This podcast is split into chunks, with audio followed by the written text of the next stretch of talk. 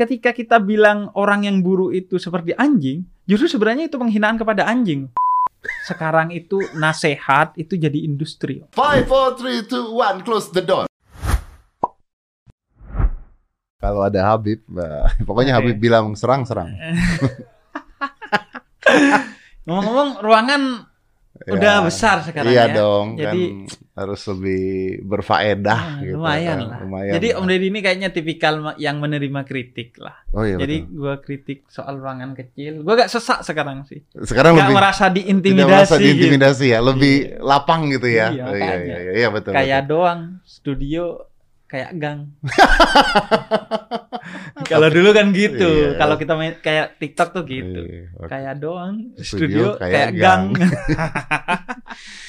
Om tapi kalau sekarang yang terintimidasi bukan saya. Hmm, Anjing terintimidasi. Oke. Karena anjing di jalanan ditabrak. Hmm, ya kan? hmm, hmm, hmm. Biar pengkor kakinya katanya. Kalau anjing, karena anjing najis maka ditabrak saja anjing biar pengkor. Ya. Oke. Saya bawa itu, saya panggil namanya, saya digoreng beritanya. Gimana sih? Emang anjing di jalanan boleh kita tabrak? Heeh. Jadi eh gue tuh sengaja gak baca berita tentang itu. Oh gitu. Jadi emang ya apa eh menjaga kesehatan mental gue lah, Oh gitu. menjaga kesehatan mental gue dan kemudian terlalu banyak hal yang positif yang harus gue sibuki gitu sehingga ya udahlah. Nah, tapi kalau berbicara secara umum tentang anjing, gi- gini, kenapa sih kita itu jadi benci anjing? Hmm. Kalau karena dagingnya haram, Mm-mm. daging kita kan juga haram, Om. Iya betul, betul. Iya kan? Iya. Haram dimakan nih daging kita. Iya. Kalau soal eh, najis, Najis. kencing kita juga najis, Om. Iya betul. Sebagaimana keringat anjing menurut sebagian ulama itu najis, kencing kita juga najis. Najis. Ada yang najis dari diri kita. Iya. Tapi kenapa kita gak benci?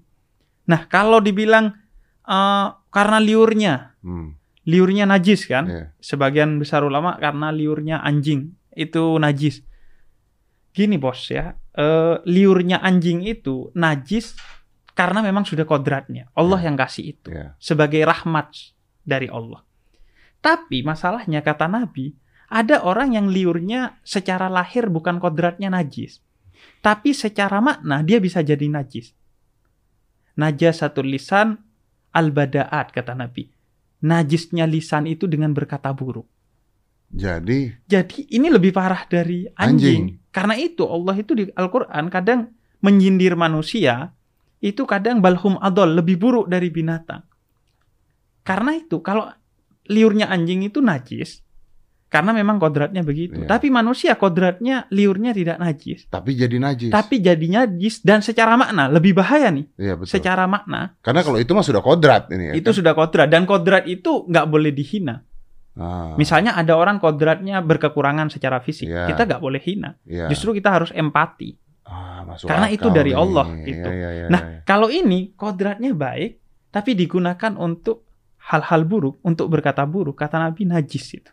Dan itu ya kita itu yang paling parah justru. Iya. Gua kemarin sempat ngobrol sama Gus Miftah. Mm-mm. Beliau mengatakan, iya tapi lebih banyak orang yang lebih anjing katanya. Iya, Iya. iya makanya. Jadi sebenarnya eh, ketika kita bilang orang yang buruk itu seperti anjing, justru sebenarnya itu penghinaan kepada anjing. penghinaan kepada anjing. Kan anjing nggak seburuk itu. Karena anjing nggak seburuk itu. Nah, Karena Nah, oke. Iya, tapi Kar- silakan, silakan. Iya, karena ada eh, ulama itu yang merekap Hmm. daftar kemuliaan anjing. Oh, ada daftar Ada. kemuliaan anjing Ada nih. daftar kemuliaan anjing. Tapi sebelum lu lanjut ya, Bib ya. Iya, Polisi aja menggunakan anjing.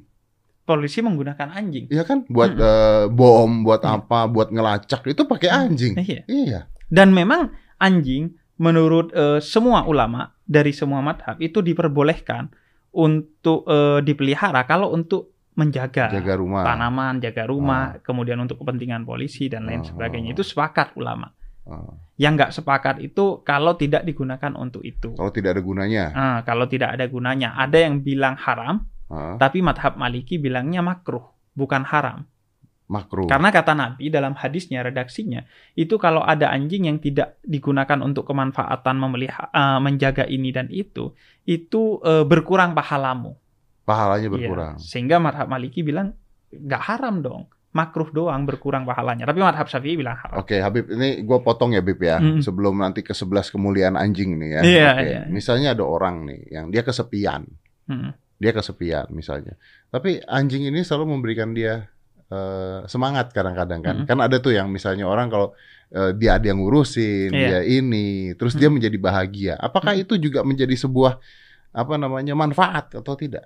Iya, pada pada akhirnya tergantung kemanfaatan kepada dirinya. Kalau dia bisa secara mental Nah, secara mental. dijaga oleh anjing itu, ya eh, tergantung nanti dia ambil eh, pendapat ulama yang mana. Oke. Jadi kalau dia kaji saja, kalau menurut dia, misalnya dia konsultasi ke psikolog dan memang secara mental dengan ada anjing itu dia bisa survive, ya gak apa-apa. Karena ada Peliharaan. gunanya. Karena ada manfaatnya. Intinya itu ada manfaatnya. Ah, nah kalau sampai ada Hmm. orang nih, misalnya mengaku ustadz atau ustadz, Hmm. terus mengatakan ya kalau anjing tabrak aja, itu gini, kita nggak bicara najis nggak najisnya, haram nggak haramnya, Hmm. tapi bukankah anjing itu juga makhluk ciptaan Tuhan juga yang bukan untuk beda dengan makanan sapi yang disembelih, sembelih aja ada caranya kan begitu Iya, kan? iya. Kalau ditabrak saja sampai pengkor, itu kan penyiksaan bukan? Iya.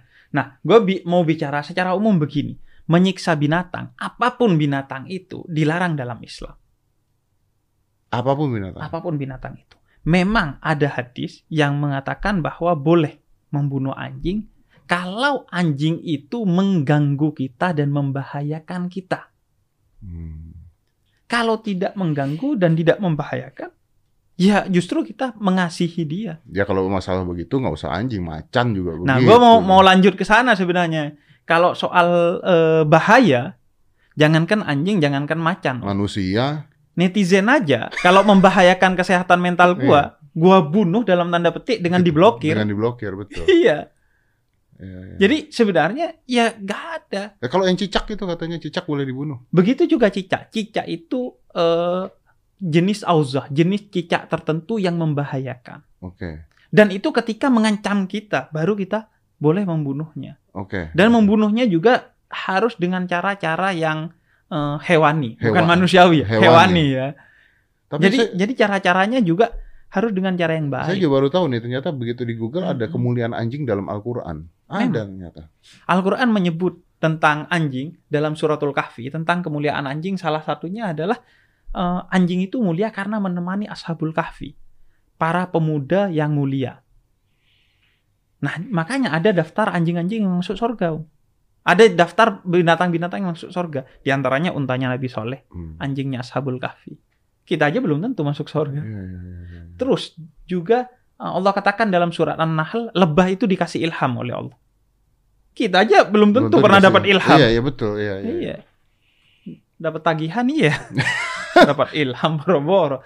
Jadi, gue mau mengajak kita itu alih-alih bukan hanya tidak membunuh, menyakiti anjing. Karena seharusnya kita justru mengasihani dan mempersaudarakan anjing dan semua binatang. Namanya uhuwahnya uhuwah makhlukiyah. Persaudaraan antar makhluknya Allah. Nah, alih-alih justru seharusnya kita itu eh, menyayangi semua binatang. Semua sebagaimana binatang Nabi. ya. Kita nggak bicara anjing ya, kita bicara semua bicara- binatang. Semua ya. binatang kita kasihani, mau anjing, mau siapa pun. Makanya Nabi pernah negor anak muda yang eh, nongkrong di atas ontanya. Ah. Ya elah nongkrong di atas onta, nongkrong di warung kopi kayak ya. Ini di atas onta kata Nabi, sebagaimana kamu butuh istirahat, onta ini juga butuh istirahat. Lu turun deh. Ah. Jangan jangan disiksa terus nih onta. Onta ini cuman kendaraan, nongkrong lu di warung kopi, jangan di Hmm. atas onta gitu. Nah, tapi pertanyaannya gini, Bib. Oke lah, kita kita melihat dari dua hal yang berbeda. Ada yang mengatakan makruh, misalnya ada yang mengatakan eh, mengurangi pahala, najis dan sebagainya. Mm-mm. Tapi kan tidak membenarkan ketika seseorang mengatakan itu najis lalu ya udah siksa aja. Yang najis, yang haram bukan berarti harus dibenci. Bahkan dilarang membenci siapa pun. Betapapun itu musuh kita, kita dilarang membenci kok, mencintai. Kalaupun kita benci kan benci perbuatannya, Iya. gua sering bilang tuh. Tapi kita tetap cinta orangnya, makanya kita nasihati, bahkan kita perangi atas nama cinta agar dia jauh dari kemaksiatan atau keburukan. Nah, begitu juga binatang. Semua binatang itu harus dikasihani.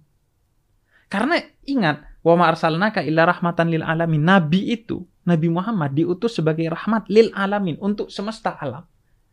Bukan hanya lil muslimin, bukan hanya umat muslim, semua manusia dan bukan hanya manusia tapi lil alamin semesta alam mau tumbuhan hewan semua dikasihani makanya ada cerita nih menarik Abu Yazid Al Bustami ini dikisahkan dalam risalah Kusairiyah Abu Yazid Bustami ini om uh, perjalanan. Pulang pergi 700 kilo nih jauhnya perjalanan. Dia melakukan perjalanan nyampe di kota tempat tujuan dia dia buka baju ternyata di bajunya itu ada semut Hmm. ada semut wah dia pakai lagi tuh baju dia balik ke kota tadi Supaya semut. supaya semutnya tidak tersesat. Jadi kata dia bayangin kalau semut itu tersesat, dia jauh dari keluarganya, dia jauh dari habitatnya untuk nyari makan, dia bingung. Nah kita kadang nih om, pernah nih dalam mobil kita ada nyamuk kadang, Iya benar. terus kita jalan aja tuh. Ke mana? Ke tempat jauh, terus di tempat jauh itu kita buka kaca tuh, nyamuk tuh bingung nih di mana gue nih kata dia. Padahal pakai mobil. Abu Yazid Al Bustami nggak pakai mobil. Iya, iya, 700 iya. kilo bolak-balik, balik Itu dia. mengisahkan tentang bagaimana kepedulian terhadap makhluk ciptaan Tuhan dan Tuhan Allah. itu. Kepedulian itu, rahmat itu bagi eh, semesta alam. Oke, oke, Bib. Saya ngerti semua yang Habib omongkan. Tapi kenapa sampai detik ini masih banyak orang-orang yang mengaku dirinya eh, ustadz atau baru mualaf atau Hmm. apa, terus tiba-tiba mengajarkannya kebencian akhirnya gitu. Nah itulah. Jadi eh, pertama kita harus selalu hati-hati lah, khususnya dalam dakwah ini, karena eh, ulama itu warasatul anbiya, ulama itu pewarisnya para nabi. Jadi sadari bahwa kita ini pewarisnya para nabi, maka hati-hatilah dalam berkata-kata.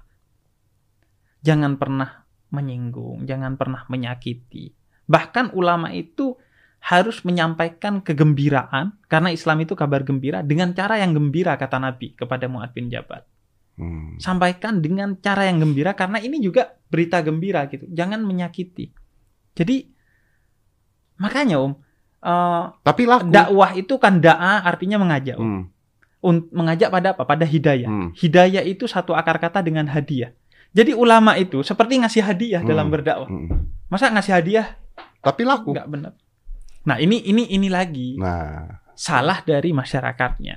Nah, gue sering nih, Om, eh, men, tapi, tapi. Habib Habib mengakui kan kalau hal itu laku kan? iya, Iya kan? iya, Nah, aneh Hal- dong. Apakah masyarakat kita penuh dengan kebencian, akhirnya mendengarkan hal-hal yang penuh kebencian, lalu wah asik juga nih gitu. enggak. Gue sangat percaya orang Indonesia ini penuh cinta. Gue sangat orang. Kenapa percaya. mereka-mereka ini laku? Jadi orang Indonesia ini, gue ngelihat penuh cintanya, Om. Kita ketemu aja, nggak nggak enakan. Ah, gitu. iya, Kita iya. nih penuh cinta, Om. Kenapa yang begini laku? Karena orang kita eh, nggak paham agama dan kemudian dipapar dengan Quran dan Sunnah, akhirnya mereka takut. Akhirnya mereka takut. Uh, uh ternyata kita nggak boleh cinta anjing ya. Kalau cinta anjing berarti kita nggak beriman. Akhirnya mereka benci anjing sehingga eh, pendakwa-pendakwa yang seperti itu digemari. Oleh karena itu ini PR-nya sebenarnya di kita. Mari kita papar balik orang-orang dengan Islam yang penuh cinta itu. Kalau gua rasa Kalau dipapar balik, mu, eh, kodratnya manusia nih lebih suka mencintai. Om. Makanya Allah bilang di dalam Al-Quran, lakukanlah peperangan yang wajib dilakukan meskipun kamu benci peperangan. Peperangan itu pasti dibenci. kalau gua rasa gua punya teori sendiri, Bib. Soalnya? Habib kayaknya keringetan, emosi kayaknya dari tadi. oh enggak.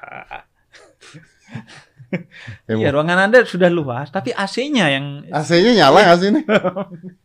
nyala kan? emosi Habib kayaknya. Tapi oke, Bib. Ini, nah, aduh, ini tadi saya mau nanya apa ya? Gue mau nanya apa ya tadi ya? Eh, gua, oh, gue punya teori, Bib. ya Coba teorinya ya. gimana? Teorinya menurut lu gimana, Bib ya? Anda baru mualaf sudah teori-teori aja. Daripada baru mualaf udah dakwah. Iya maksudnya jangan teori-teori dakwah mualaf itu belajar Islam dulu dan sekaligus gue setuju sama kayak Holil Nafis dari MUI. Kalaupun mau cerita, cerita tentang proses mu'alafnya dia, Oh. pengalaman dia mu'alaf untuk menginspirasi orang lain. Bukan langsung dakwah. Bukan dakwah, karena Iya, dakwah itu eh, ya perlu banyak hal Belajar. untuk untuk dakwah. Betul, betul. Dan juga kalau belajar dakwah itu utamanya jangan belajar public speaking. Jangan dikira utamanya agar orang banyak yang suka. Jadi belajar itu bukan bukan untuk disukai orang lain, tapi untuk membenarkan orang lain. Ya, betul. Betul. Bukan bukan nyari nyari oh nyari likes, nyari followers enggak. Kita ya udah sampaikan. Orang suka gak suka udah. Tapi Anda nyindir orang lain kenapa bawa nama saya sih? Lah enggak, maksud gua, gua kan dari Iya. dulu bilang gitu. Gua ya, gua ini gua Iya, ya, Gua ya. kan bilang gitu. Iya, ya. Apa mualaf Oh. eh, seperti di Corbuzier harus belajar terus. Oh, iya, betul. Kalau betul. perlu apa Gus Miftah harus terus bimbing Oh, nih. iya, betul, betul. Jangan sampai salah arah. kan iya, Om. Iya, betul, betul, betul. Kan pasti Betul. eh, orang baru nih, orang baru kan masih nggak tahu nih. Ini Hmm. apa kok ada yang Hmm. namanya madhab, ada yang namanya manhaj, Hmm. ada pendapat bilang ini, ada pendapat bilang itu. Makanya kita belajar akhirnya. Dan ini penting, Om.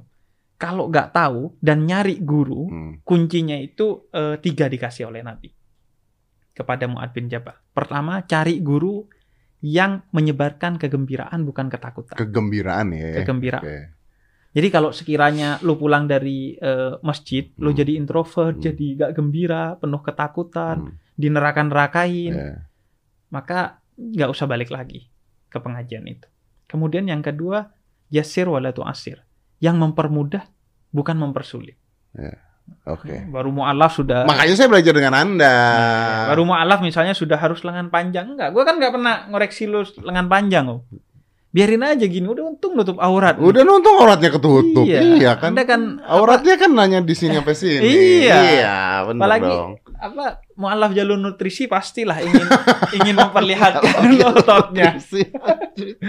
Jadi Oke, kemudian yang ketiga om yang Ah. penting adalah mempersatukan bukan mencerai berai. bukan mencerai berai. Oke, Eh, Bib, saya punya teori dulu. Dengarkan dulu Hmm. teori saya. Iya, gimana? Jadi menurut saya karena orang Indonesia itu atau kebanyakan manusia itu mudah sekali menerima hal-hal yang gampang nggak perlu mikir.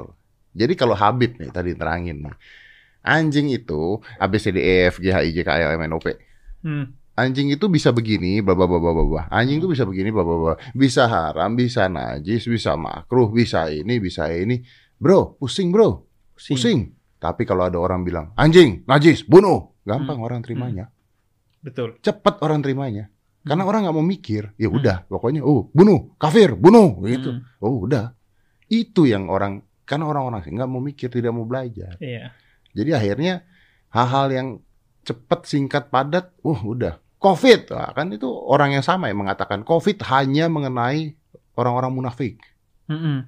Oh, Nah, Mana? padahal COVID ini pelajaran terbesar nah makanya.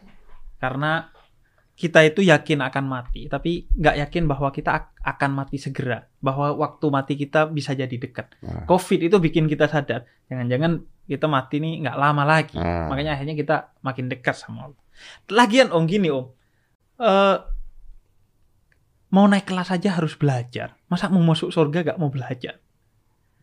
Ya harus belajar lah agama ini. Kemudian teori lain om, orang itu biasanya suka kepada eh, ustadz-ustadz yang bilang, oh ini halal, oh ini haram. Karena eh, dia itu seolah-olah tegas dengan Seolah-olah bilang-bilang, oh ini halal, oh ini haram, seolah-olah tegas. Ah. Padahal itu tanggung jawab dia kepada Allah. Kalau dia hanya menyampaikan yang halal saja atau yang haram saja, padahal ada pendapat yang menyatakan begini dan begitu gitu, maka dia bisa kena tuh ayat Allah yang jangan kamu mengharamkan sesuatu yang dihalalkan Allah dan jangan menghalalkan apa yang diharamkan Allah. Jadi udah sampaikan kepada orang. Makanya eh, wa ma'ala rasul ilal bala. Tugas rasul itu menyampaikan, sampaikan aja. Tabligh, sampaikan. Orang mau pilih yang mana terserah. Karena gini, gue tahu teks tentang agama, tapi gue gak tahu konteks tentang diri lo. Hmm. Gue jelasin nih, Hmm. om, hukumnya eh, kalau menurut ini makruh, kalau menurut ini haram, kalau menurut ini halal.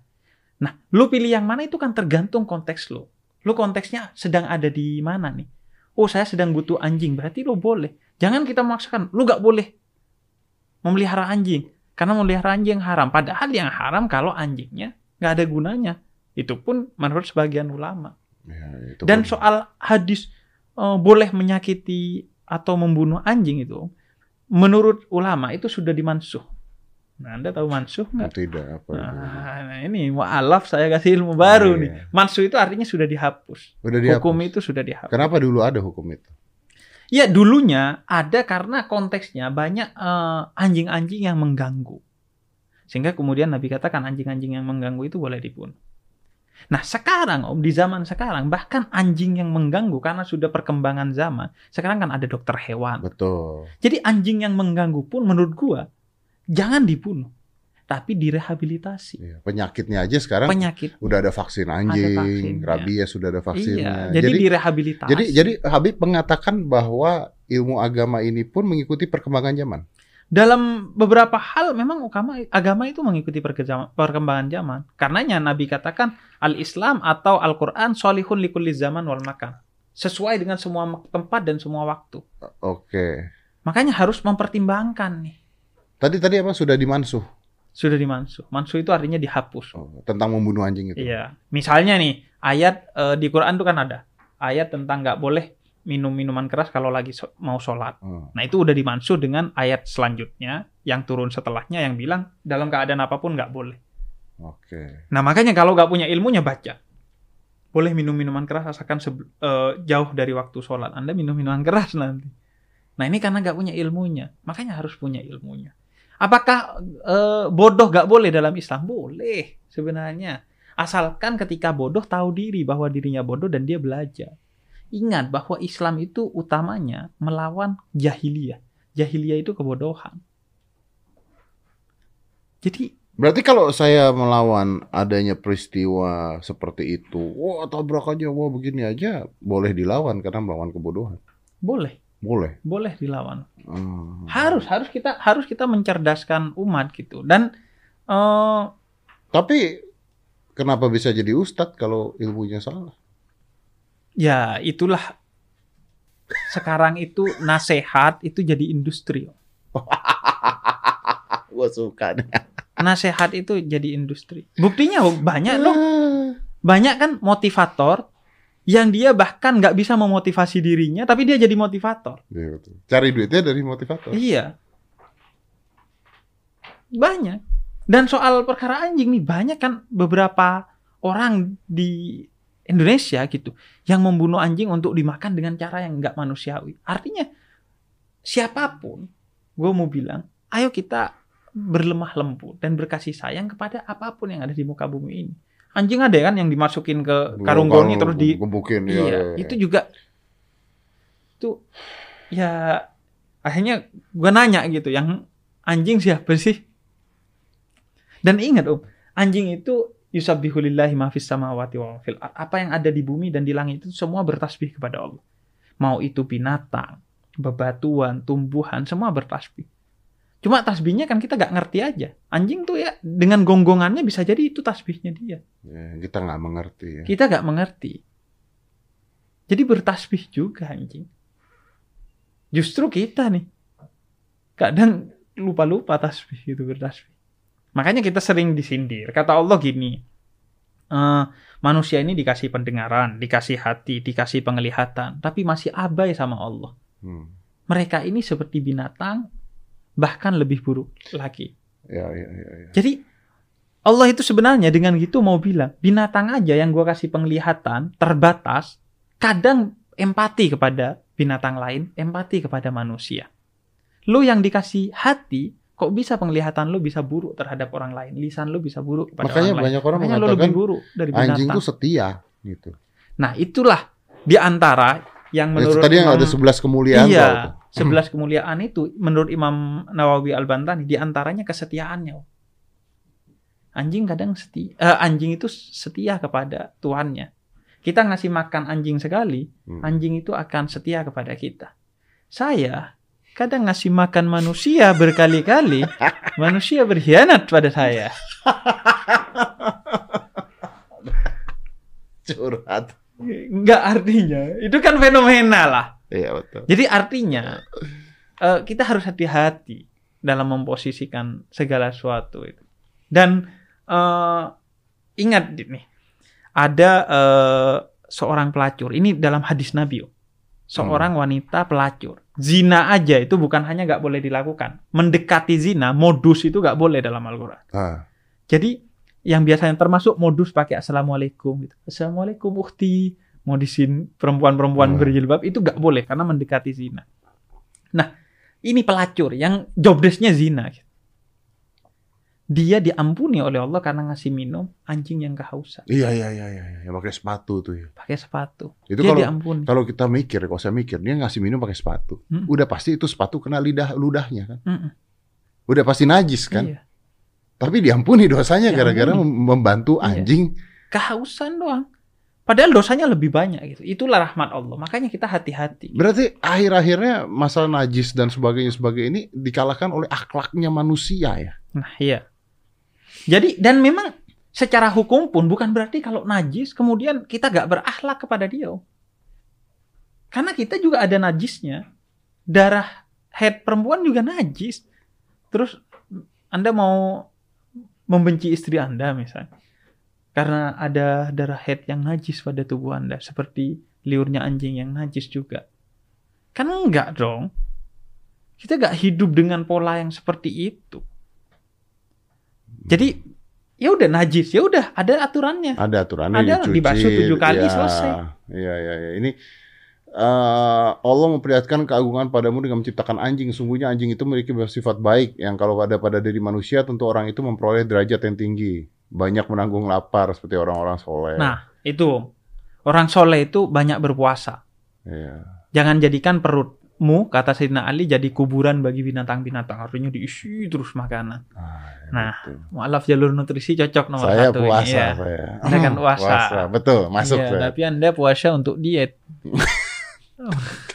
Kan hidayah datangnya dari mana-mana. Iya. Ah, Nah. Tidak memiliki tempat tertentu seperti orang-orang tawakal. Ya. Terus juga ada juga anjing itu terbangun di malam hari. Iya tuh. Persis orang soleh. Heeh. Tidak tidur di waktu Orang malam. soleh itu kan terbangun untuk tahajud di Iya. malam hari.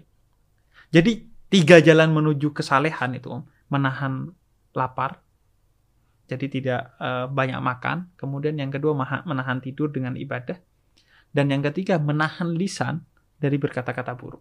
Itu tiga jalan kesolehan. Ini menarik loh. Bib, eh, ini jika dipukul kemudian diberikan sesuatu, maka ia akan kembali tanpa ada rasa dendam. Ah iya, Gila ya. Saya gak dipukul. Udah dendam. Kuota saya dicuri sama bocah-bocah aja sudah dendam. ya. betul. Saya tuh dulu punya anjing herder, herder yang gede tuh. Hmm. Dia- jadi dia di bawah rumah kan, eh, rumah dua tingkat dia di bawah. Ini ada satu hal yang lucu nih beb. Ini saya tuh baru ngeh. Jadi dia kalau tidur itu selalu ngadep pintu depan.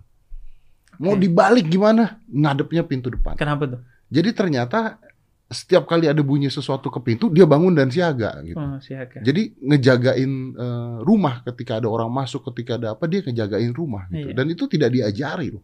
Tidak diajari dan nggak ada gajinya om. Dan tidak digaji ya. Ada satpam yang malam-malam tidur padahal digaji. Motor saya beberapa bulan lalu hilang. Terus ditanya, gimana pak?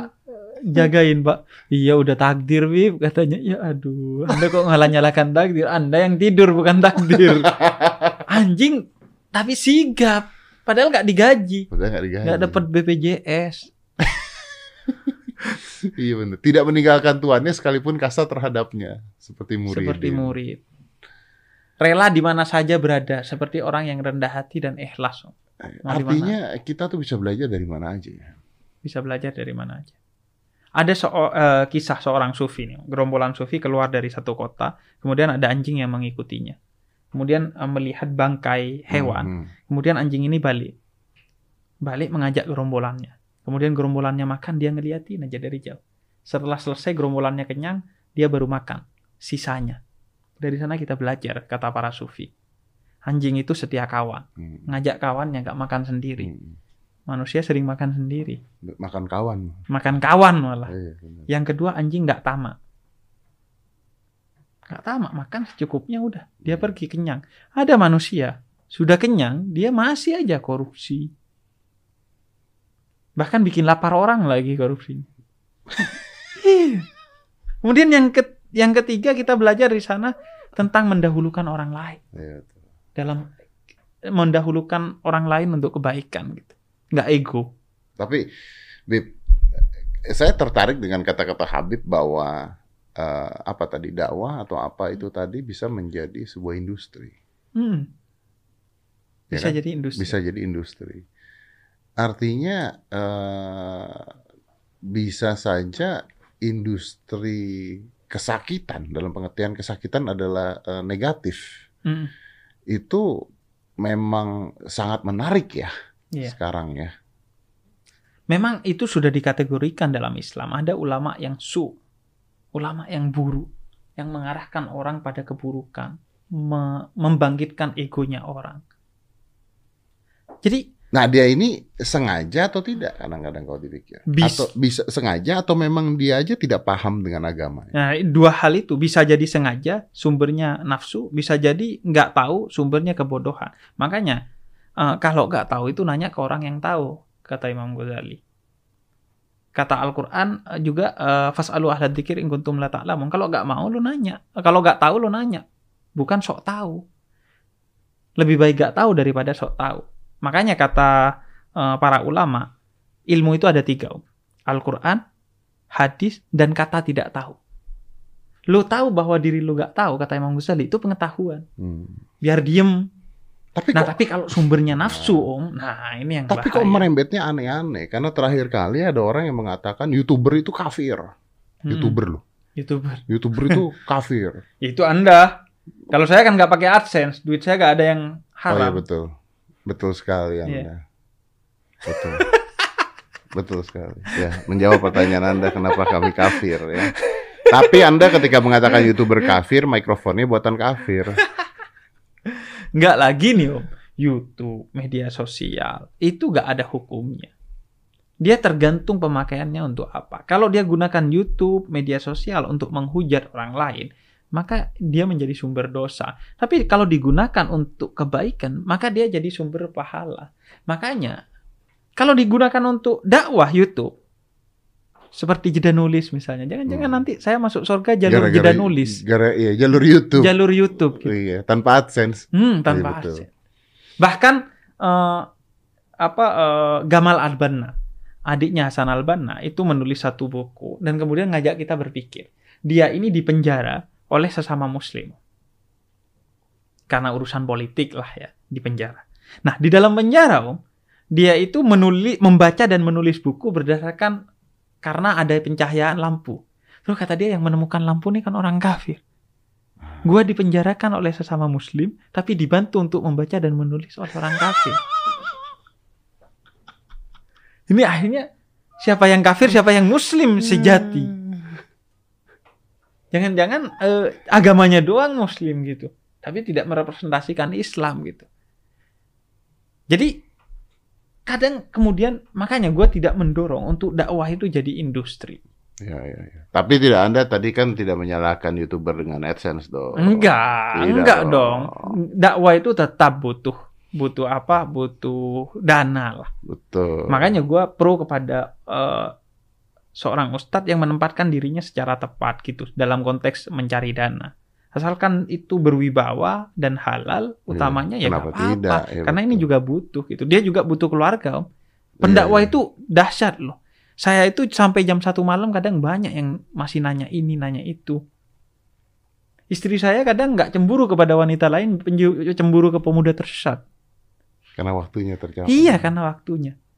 Dan kita ini nggak cuma ditanyain agama. Kadang di Bib saya punya utang, gimana cara bayarnya? Ya, Cara bayarnya ya pakai uang. Maksud Anda Anda minta ke saya kan? Makanya saya sekarang itu bikin yang namanya celengan pemuda tersesat Iya, di mana tuh?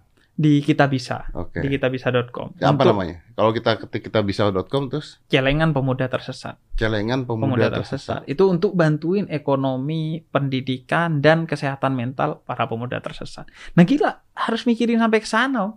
Pendakwah itu. Nah, kita ini eh, ditugaskan oleh Allah dan Nabi untuk memberikan ketenangan, Hmm. bukan bikin kerusuhan. Orang sudah bingung dikejar-kejar debt collector, udah bingung urusan ini dan urusan itu ketika datang ke kita, datang ke masjid, itu Tenang harusnya. harus memberikan hadiah, ketenangan. Hidayah itu hadiah itu. Jangan bikin pusing. Kalau bisa bantu dalam segala hal ekonominya ya kita bantu. Apalagi orang udah lapar, dikejar Iya. debt collector, disuruh perang sampai Iya. sana. Masuk masjid, Uh, neraka, neraka, neraka. Haram, haram, haram. Nah juga gue om juga sekaligus eh, mau mengkritik pola pendidikan kita yang buruk dalam menyikapi anjing, babi, cicak dan binatang-binatang yang kita salah pahami karena pemahaman kita yang salah dari hadis. Kita harus akui kita waktu kecil oh anda anda mualaf anda nggak tahu kecil anda kan bukan muslim. bukan. Nah makanya itu kita waktu kecil loh. Anda itu. Ya makanya ada pendidikan yang salah om. Kita dibilang eh saya itu dulu waktu kecil. Makanya saya itu eh, nggak mau mengomentari siapa pun karena saya juga waktu kecil gitu juga om. Jadi eh, ngelemparin anjing. Karena kenapa? Karena pendidikan yang salah tentang Islam. Seolah-olah orang Islam itu harus benci anjing, harus menyakiti anjing. Jadi kita juga harus makanya podcast ini penting untuk mengubah paradigma kita bahwa yang harus kita lakukan hanya mencintai, gak ada membenci terhadap siapa pun. Termasuk terhadap binatang. Wong dalam keadaan perang aja binatang itu gak boleh disakiti. Bukan cuma gak boleh dibunuh. Binatang. Jadi harus direformasi nih pemahaman kita. Dan itu kan sebenarnya mudah ya reformasi itu harusnya ya. Sebenarnya Harusnya. eh, Cuman karena orang-orang seperti Anda jarang mau bersuara. Anda orang-orang seperti Anda kadang-kadang mendingan saya diam saja, tenang saja gitu. Enggak, kan gue sebenarnya berbicara. Kalau orang yang sering eh, menonton gue, gue gue berbicara sebenarnya. Tapi memang tidak seperti anda yang langsung tas-tus tas-tus ke orangnya. Saya berbicara secara umum saja tentang berbagai masalah yang ada. Agar juga eh, apa? Agar juga orang menerimanya itu ya udah menerima sebagai dakwah gitu, bukan karena menyindir siapa pun sebenarnya. Jadi ya udah diterima aja itu. Ya udah ini ini jalan gua gitu. Jadi udah lo kalau mau ikut ya ikut jalan ini udah. Udah gak usah ngurusin Tapi mungkin orang lain. harus harus mereformasi orang-orang seperti Habib ini, Habib ini juga harus mereformasi cara penyampaian supaya orang-orang lebih kena dan mengerti karena Habib ini penyampaiannya eh, terlalu ini Bib, terlalu terlalu indah gitu. Hmm. Jadi orang ah, kapan Nah, disuruh itulah Om. kapan disuruh perangi gitu. Nah, itulah Om. Saya percaya bahwa memang kebaikan itu butuh investasi yang panjang. Iya. Nabi Nuh itu 950 tahun dapat 80 umat doang. Jadi butuh investasi panjang. Makanya al-haq dan as-sabr, kebenaran dan sabar itu selalu disatukan dalam beberapa ayat Al-Qur'an. Karena mendakwahkan kebenaran itu butuh kesabaran. Kalau sekedar ingin kontroversi mah saya ngomongin hal-hal yang kontroversial udah rame, tapi kan enggak. Mm. Saya berinvestasi panjang dan saya sadar itu memang jalannya harus panjang untuk membuat seorang terreformasi paradigmanya tentang Islam. Agar orang udah paten. Mau ada orang ngomongin anjing, ngomongin apa, dia tahu bahwa oh nggak salah. Karena Islam mengajarkan cinta. Itu aja kata kuncinya. Hmm. Dan itu harus ditanamkan pelan-pelan. Agar kemudian mengakar kepada seseorang dan tentu butuh waktu lama. Orang tapi yang suka kepada eh, egonya, suka ngasih makan nafsunya, senengnya dengerin ceramah yang halal haram. Bukan ceramah yang indah-indah ngajarin akhlak. Ya, ya, orang-orang ini Makanya orang seneng pada- orang-orang ini orang-orang seperti apa? Kurang pendidikan kah atau memang emosionalnya tinggi atau mungkin kalau kata teman kita ah, itu kaum miskin gitu kan Hmm. atau kaum lapar Hmm. yang butuh pokoknya membenci saja gitu. Tapi ya banyak juga orang kaya dan orang pintar juga, profesor juga tiba-tiba bisa begitu. Jadi apa kategorinya orang-orang ini? Tidak ada kategorinya. Eh, menurut menurut gue sih kategori paling dasarnya itu adalah ideologi. Kemiskinan atau apa pun itu hanya faktor tambahan aja. Intinya, Ideologi. iya, intinya kita salah meyakini. Kalau ideologi kan artinya terlatih sejak kecil kan, balik lagi dong. Iya, dia Iya salah meyakini. Karena itu pola utamanya itu pendidikan kita, dakwah kita harus diperbaiki. Hmm. Jadi karena dia meyakini, oh, meyakini itu, seolah-olah itu kebenaran. Walaupun ada yang karena kebodohan ya tadi gue bilang, ada yang karena nafsu, ada yang karena eh, cari eh, sensasi, bahkan cari sumber penghasilan, sumber pendapatan. Karena ini Kalau sulit. cari pendapatan jangan dengan bikin-bikin pendapat. Iya. Udah kerja aja. Karena ini sulit loh, Bib. Gini, Bib ya. Ini keluar dikit. Banyak cerita orang-orang yang nyawanya tertolong sama anjing. Mm-mm, Itu banyak loh. banyak. Ada. Maksudnya ada orang ketabrak nggak jadi gara-gara anjing, ditolong. Orang-orang maaf tunanetra Iya. yang dibantu oleh anjing, itu banyak gitu. Kalau orang-orang ini mendengarkan kata-kata seperti, wah kalau ada anjing saya tabrak saja karena Hmm. itu menyakitkan hati mereka juga. Bener. Dan eh gini, gue mau bilang bahwa itulah yang disindir oleh Allah. Dikatakan balhum adol. Mereka itu lebih buruk dari binatang, termasuk dari anjing. Kenapa? Karena anjing kan nggak dikasih hati untuk berempati, Om. tapi dia bisa berempati. Kita dikasih empat, hati untuk berempati, malah nggak berempati. Makanya kita lebih buruk dari anjing. Anjing aja yang nggak dikasih dia bisa berempati. Kenapa kita enggak? Jadi eh, mari belajar kita justru dari binatang. Karena di Al-Quran itu banyak ayat-ayat dan surat-surat yang namanya pakai binatang. An-Nahl, lebah, Al-Fil, gajah, Al-Baqarah, sapi betina. Dari lebah tuh Nabi bilang, orang beriman itu kayak lebah. Bayangin loh.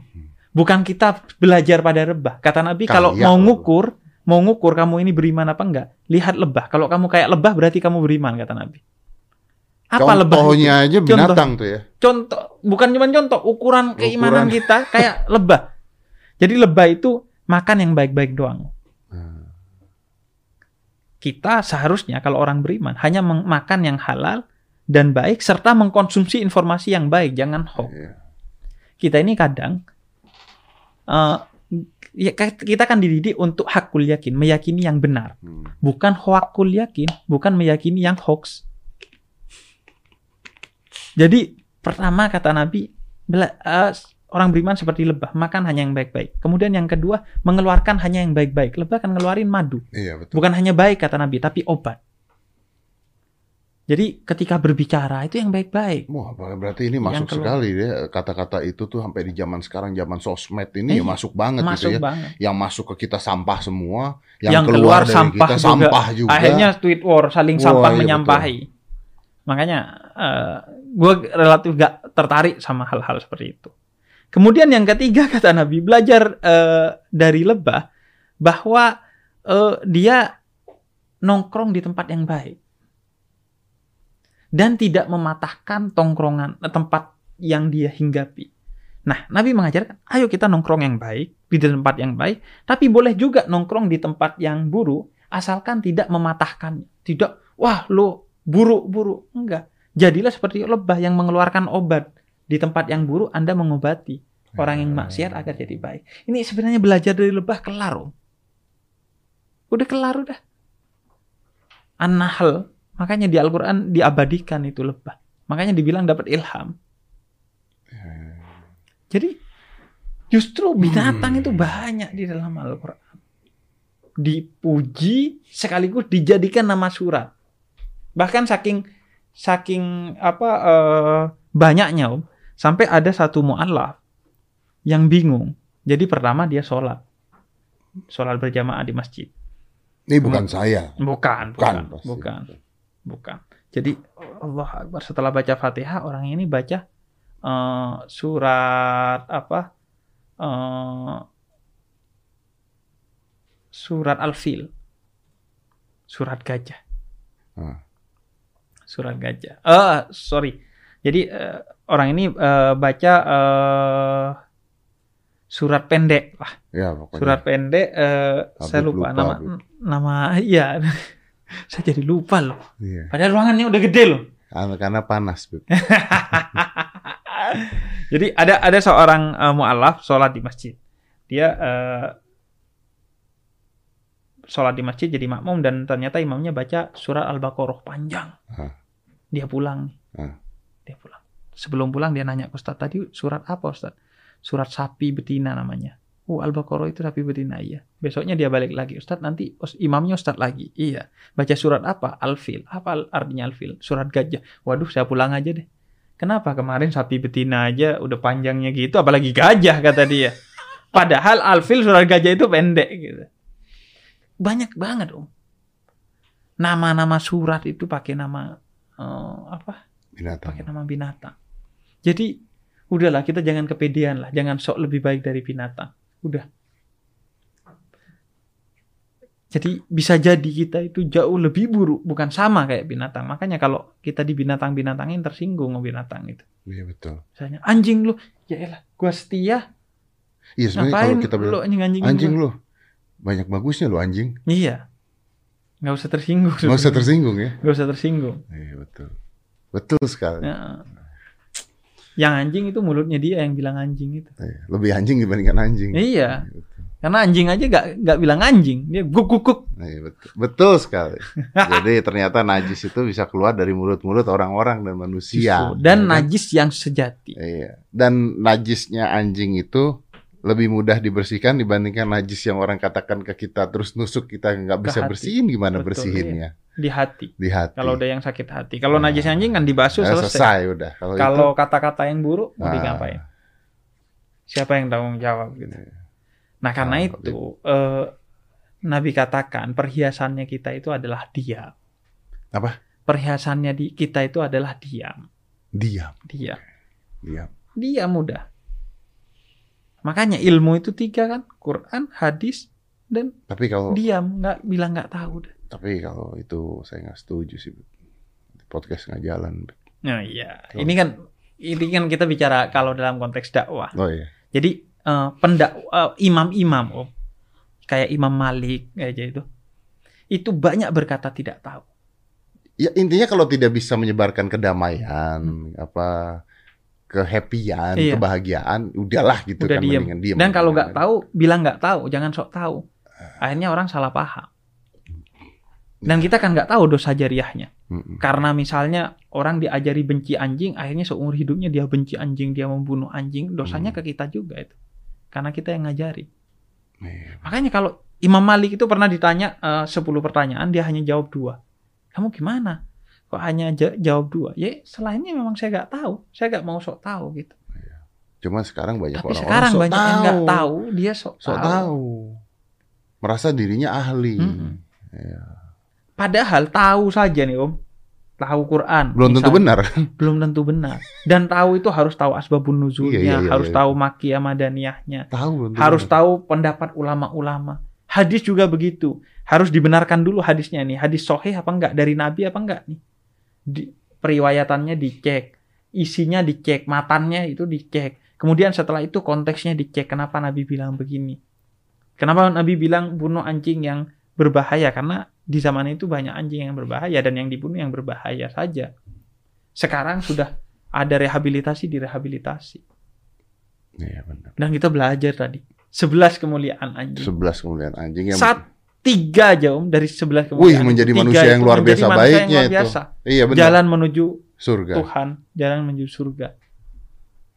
Jadi Habis. podcast kali ini kita belajar justru dari anjing. Nah, Saya langsung saya tuh mualafnya tuh kayak naik level ke 8 sekarang nih, agar dengar ini nih.